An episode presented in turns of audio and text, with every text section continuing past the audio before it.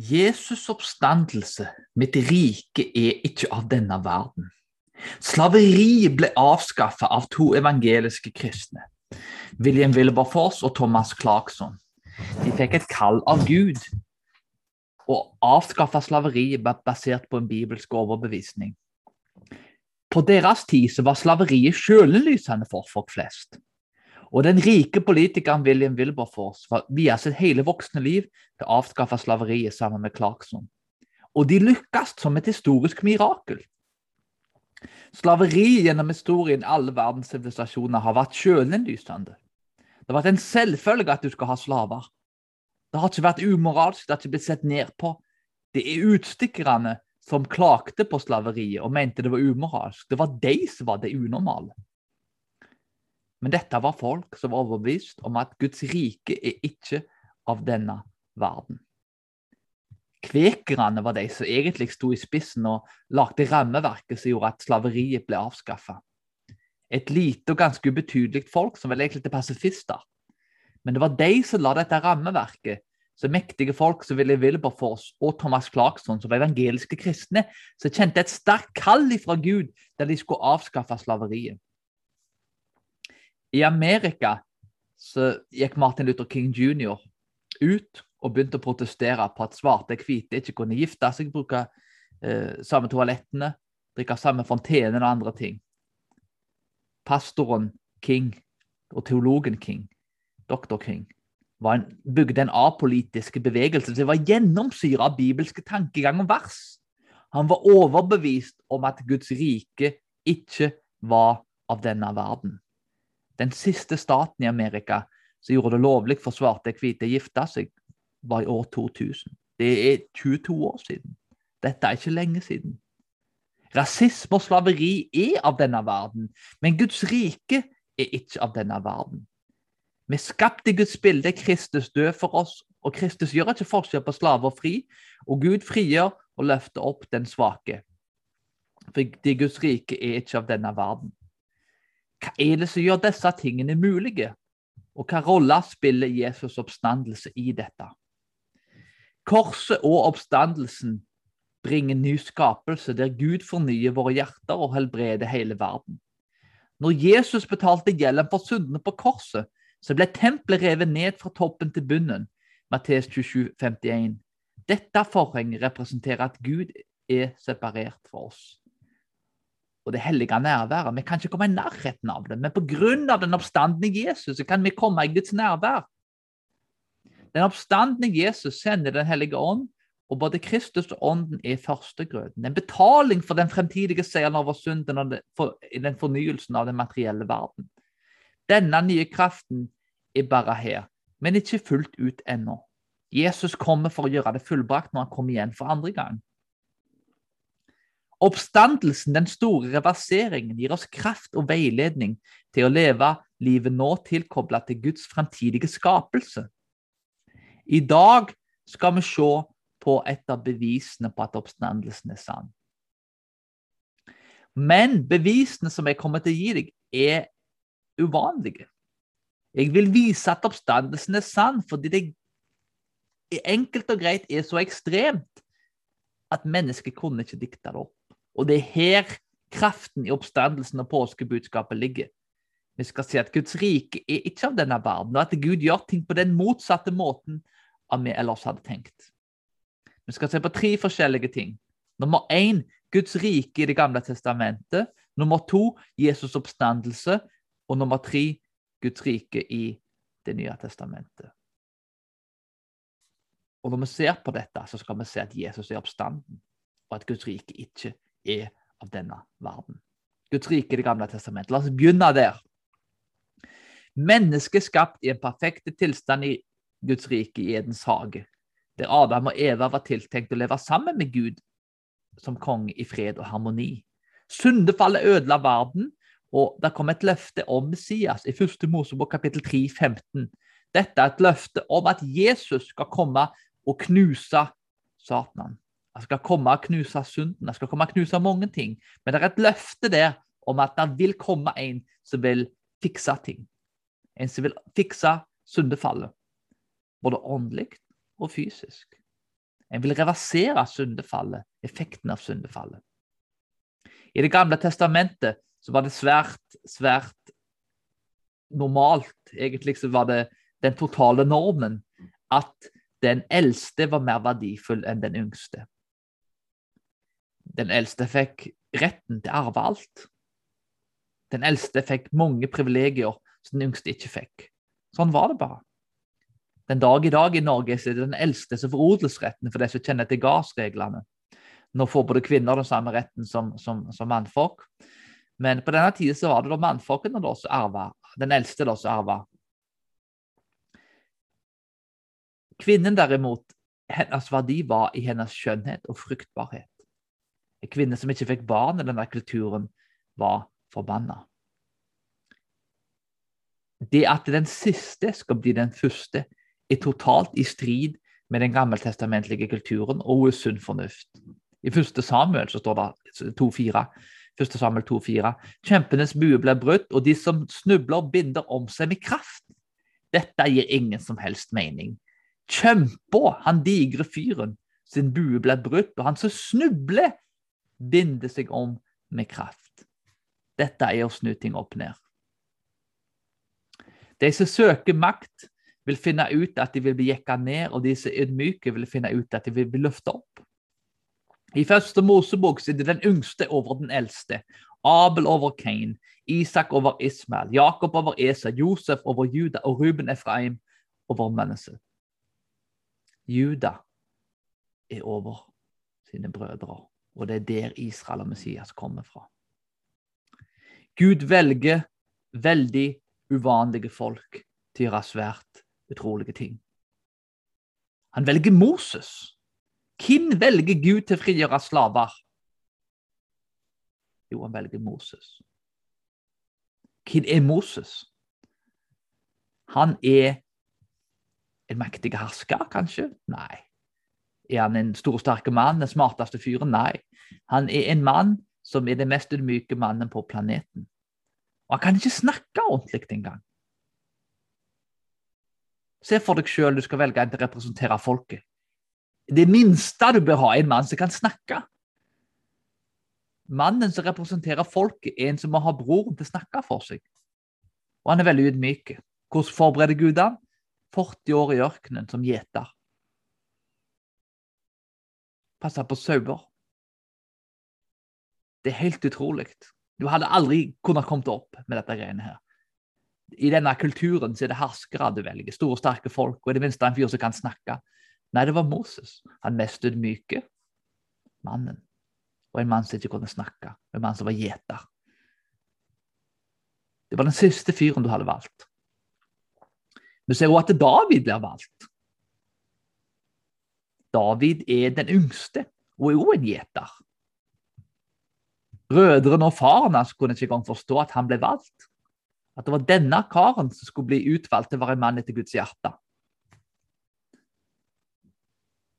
Både Moses og David og mange av disse andre har disse tingene til felles. De var de minste og mest ubetydelige folkene du kunne finne. Folk som du aldri hadde trodd kunne bli brukt av Gud på den samme måten. Moses, den mest ydmyke mannen på planeten, fikk 40 år i ørkenen og gikk ut og utfordra farao. Mannen som, som, som, så på pyramidene. Bygde de beistene av noen pyramider som er noe mesterverk bygningsmessig. Denne lille Moses utfordra den mektigste karen kanskje på kloden. En av de mektigste, iallfall. En gjetergutt kommer til herskeren av Egypt. Slipp folket mitt fri. Det er helt sprøtt. Gud bruker frigjørere som Gideon, Jefatat og Samson, som gjorde masse dumme valg, og som på ingen måte var det folkene du hadde valgt ut. Unntaket er kanskje her Samson, som utvendig var den sterkeste mannen, som prylte opp alle folkene som kom i hans vei. Han tok hærer, litt sånn som Chuck Norris, liksom, når du ser på de filmene. Han tar 100 stykker uten problem, liksom. Det er sånn oppvarming. Så tar han 1000 stykker etterpå. Sånn var det med Samson i virkeligheten, ikke bare på film.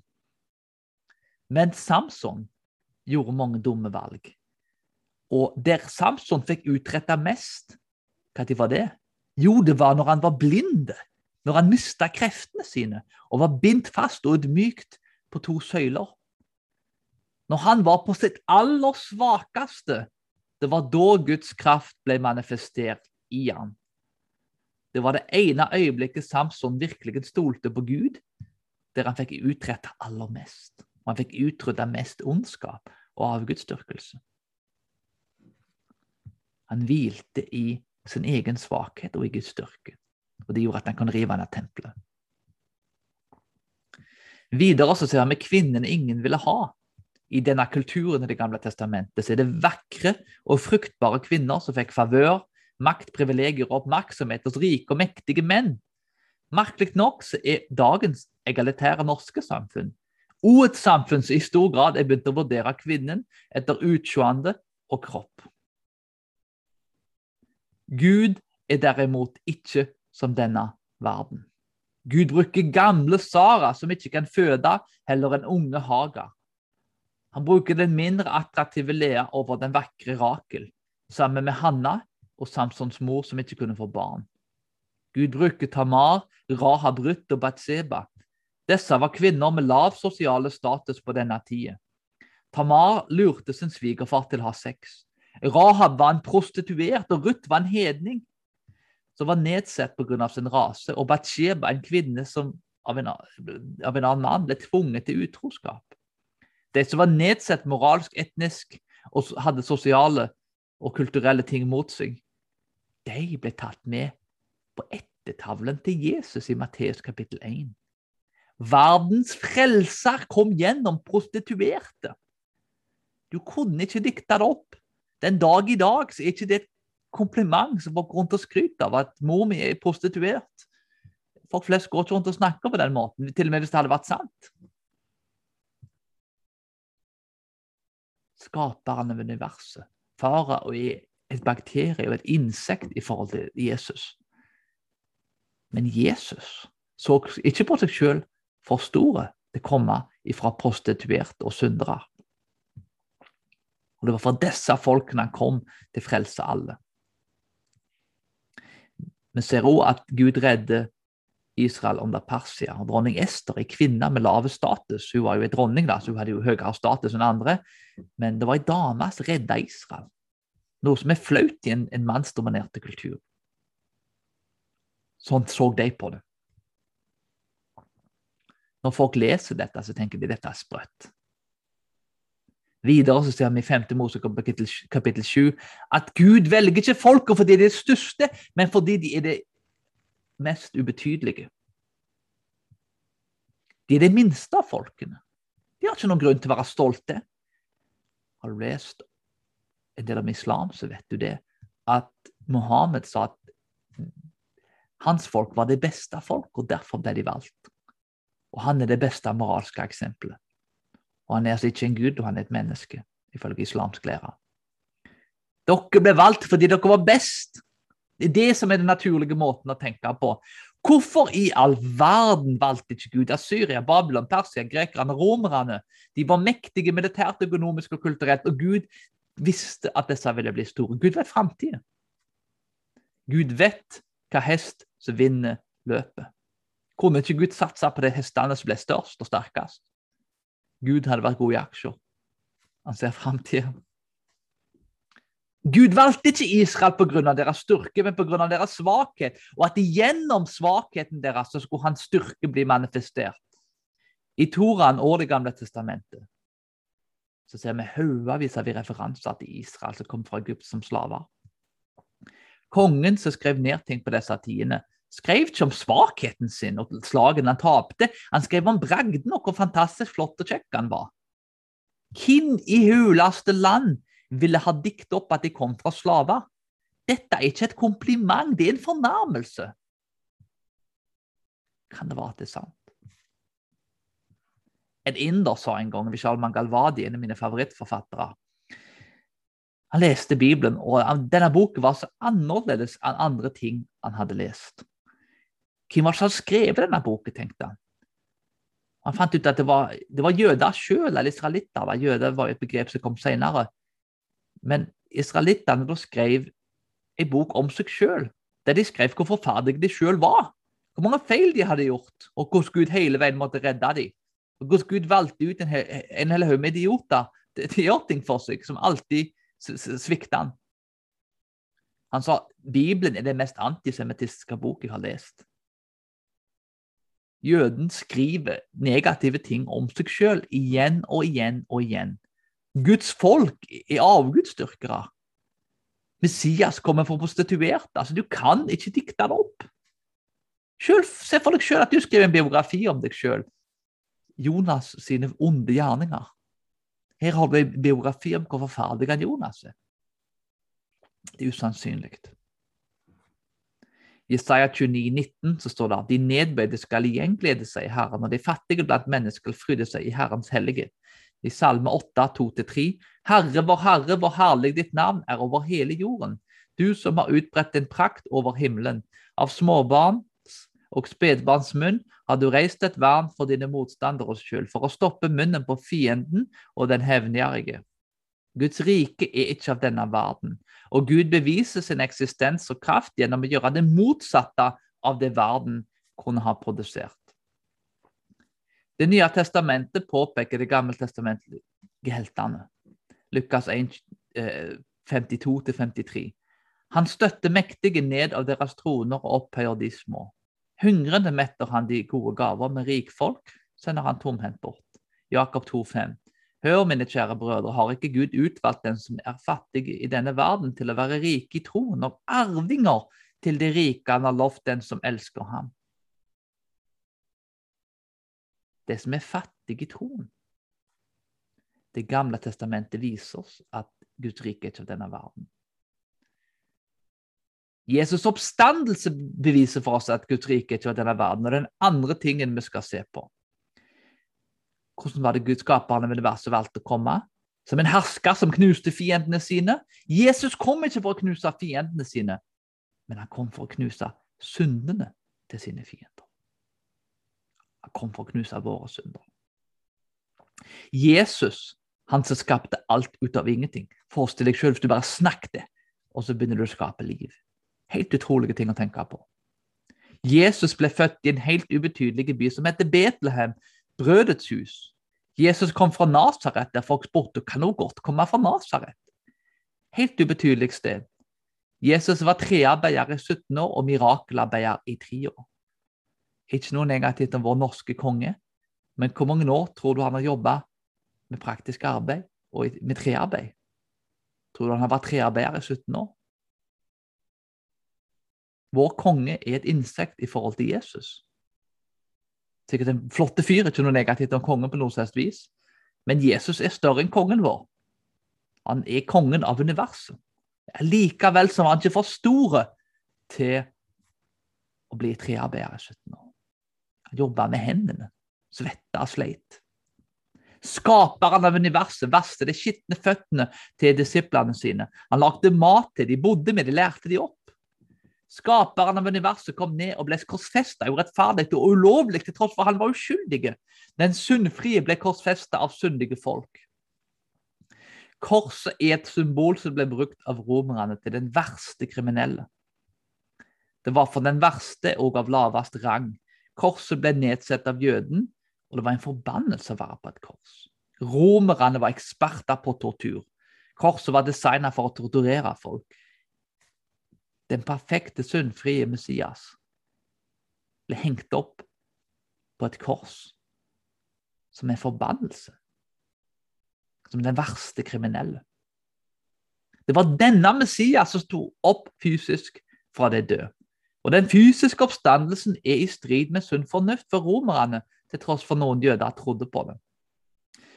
Jeg har laget en hel episode om de historiske bevisene for oppstandelsen, så kan du se på det utenom. da. Jeg skal ikke gå inn på det akkurat her og nå. Men uh, bevisene er veldig gode. Og En av tingene som gjør det mer troverdig, er at kvinner ser Jesus først. Kvinner som har lav status, som ikke er et gyldig vitnesbyrd i rettssalen. Et mye dårligere vitnesbyrd. Du hadde ikke skrevet dette hvis det ikke var sant, for det er flaut.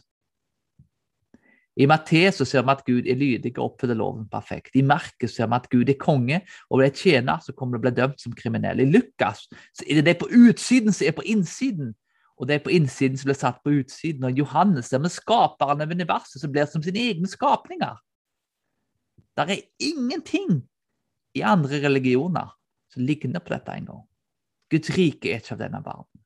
Hvem i all verden hadde kommet på disse tingene? Nummer tre. Effekten av oppstandelsen av Guds rike i Nye testamentet. Hvem var det Jesus valgte ut til disiplene? De smarteste, de beste, de flotteste, ikke sant? Hva folk valgte han ut? Fiskere som hadde slog på nevene, en skatteinnkrever for romerne som ble sett som en sviker av folket, og en mann som Judas ville svike han til slutt. Hva gjorde disiplene når Jesus døde? Jo, de rømte fra ham klippen som kirka skulle bli bygd på, det tenker du, det må være han fyren som virkelig stolte på Jesus og aldri svikta han. Nei, det var Peter som fornekta Jesus tre ganger. Klippen som kirka skulle bygges på, så mener jeg altså ikke da i, i en katolsk forstand, bare så det er sagt. Men dette er en mann som svikter Jesus. Forestill deg sjøl å bygge noe opp på en person som er en sviker. En bevegelse. Finne en lite troverdig person og bygge det opp på han. Du kunne ikke funnet på å skrive noe sånt som dette hvis det ikke var sant. Paulus er en mann som forfølger og dreper Guds kirke, Guds folk. En mann med tårn i kjøttet og et utseende som er blitt beskrevet, som ikke er imponerende i forhold til den kulturens standarder. Dette er en mann som sier da at han ikke stoler på egen visdom, til tross for et lynskapt intellekt. Paulus var uhyre intelligent. Men han sier nei, jeg har lest filosofene. Han sier ikke at han har lest filosofene, men han hadde lest de. og det vet vi fra Apostelens kapittel 17 og andre plasser. Paulus var en svært lærde mann. Han stolte på korsets visdom, han stolte ikke på filosofene. Husk Korinterbrevet 1-2 så er det Guds kors og kraft det Paulus setter liten sin til, til tross for han var en uhyre lærde mann. Det er den første som skal bli den siste. Den siste skal bli den første. Hvem i all verden hadde kommet på og sagt noe sånt? Og gjort noe sånt? Operert på en måte som er så i strid med den menneskelige måten å tenke på. Det er det mest irrasjonelle og absurde du kunne kommet på kirkefaren John Christensen i den østlige kirka sier at du må presentere folk det motsatte av det de vil ha, og det, de forventer. Men det er nettopp det som vil overbevise dem til slutt. Se for deg selv komme inn i et rom. Folk forventer visse ting av deg. Du kommer til å si det og det og det. Du kommer inn. Du gir dem det motsatte av det de vil ha, og det de forventer. Men det er der kraften ligger. Guds rike er ikke av denne verden.